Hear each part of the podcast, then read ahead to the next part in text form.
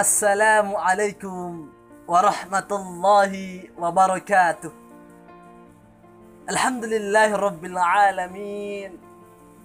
Wabihi nasta'inuhu ala umri dunya wad din. Wa ala alihi wa sahbihi ajma'in amma ba'd. Ikhwani fillah yang insyaallah dimuliakan oleh Allah Subhanahu wa taala. Pertama, marilah kita panjatkan rasa syukur kita atas kehadirat Allah Subhanahu wa taala. Sehingga saat ini alhamdulillah Allah Subhanahu wa taala telah memberikan kita kenikmatan yang begitu luar biasa.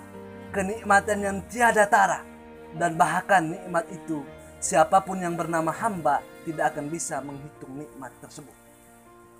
Dan yang kedua kali, marilah kita aturkan salawat dan salam. Semoga tercurahkan kepada baginda kita, Nabiullah Nabi akhir zaman, yaitu Nabi Muhammad sallallahu alaihi wasallam. Ikhwani fillah yang insya Allah dimuliakan oleh Allah subhanahu wa ta'ala. Para mubalik dan muballigat yang insya Allah dirahmati oleh Allah subhanahu wa ta'ala. Pada kesempatan ini, izinkanlah saya mau menyampaikan tugas seorang mubalik dan mubalik dalam menghadapi konsensus wabah COVID-19 ini. Jadi pada intinya bahwa tugas kita sebagai mubalik ini seperti apa untuk menghadapi musibah atau wabah yang telah melanda kita atau melanda dunia saat ini. Ikhwan fillah, pertama yang perlu kita ketahui bahwa Allah Subhanahu wa taala menurunkan segala macam bentuk ujian apa pun bentuknya. La yukallifullahu nafsan illa wus'aha. Jadi Allah Subhanahu wa taala memberikan cobaan, memberikan musibah, ujian apa pun bentuknya itu tidak pernah melebihi batas daripada kemampuan seseorang hambanya. Artinya ikhwan fillah, Allah memberikan ujian untuk kita, memberikan musibah untuk kita. Itu menandakan pertama bahwa Allah sayang terhadap kita. Dan yang kedua, Allah Subhanahu wa taala memberikan musibah. Itu menandakan bahwa hanya diri kita saja yang bisa menghadapinya, maka orang lain tidak bisa. Artinya apa? Ketika Allah memberikan ujian pada saya yang berbentuk beda dengan ujian yang Anda yang antum-antum alami, maka yang ujian yang Allah berikan untuk saya itu itu hanya saya saja yang bisa lalui dan Anda-anda semua tidak bisa melalui apa yang bentuk ujian yang diberikan Allah terhadap saya. Begitupun sebaliknya. Jika Allah Subhanahu wa taala memberikan ujian, memberikan cobaan kepada Anda, ikhwan fillah, mubalik mubaligot, Allah memberikan ujian itu ya menandakan bahwa hanya Anda saja yang bisa melalui ujian itu, maka saya tidak bisa. Itu yang pertama yang perlu kita cantumkan di dalam kehidupan ini. Lalu yang kedua, tugas kita bahwa kita harus memahami betul-betul bahwa musibah hadir di tengah-tengah kita.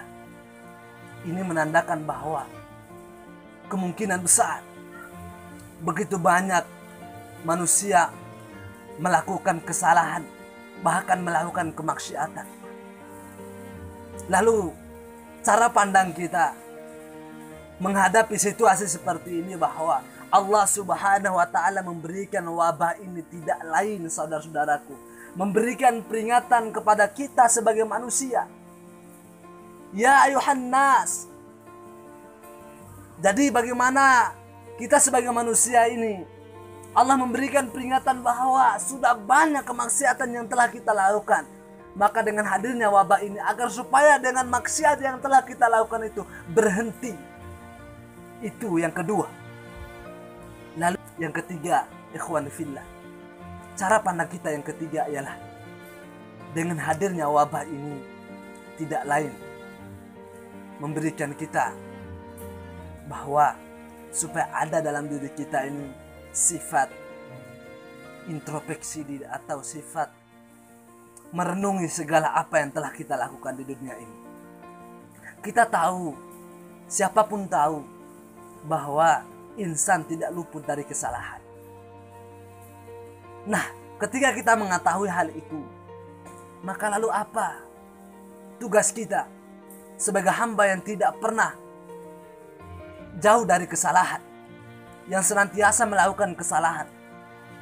Maka tugas kita Allah Subhanahu wa taala telah memberikan peringatan dan bahkan sering kali Allah memberikan ya ayyatuhan nafsul mutmainnah Wahai jiwa-jiwa yang tenang, pada dasarnya saudaraku Ikhwan fillah, mubalik dan mubalikku. Kita ini adalah orang-orang yang tenang.